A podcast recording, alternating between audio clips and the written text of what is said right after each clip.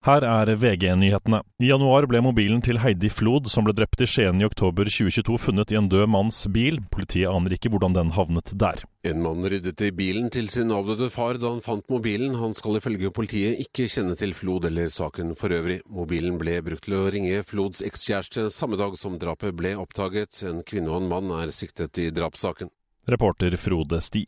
Politiet mener fire Oslo-ungdommer sto bak det grove overfallet på en 13-åring på Bekkestua i Bærum i midten av februar. Det skriver Budstikka. De fire mistenkte er tre 14-åringer og en 13-åring. 2023 hadde det laveste antallet landbruksbranner som hittil er registrert. Satsing på brannforebyggende tiltak tekkes fram som hovedårsak. 101 branner ble registrert i fjor. Prins William dropper minneseremonien til kong Konstantin 2. av Hellas, gudfaren til prins William. Ifølge avisen Daily Mail er personlige grunner årsaken.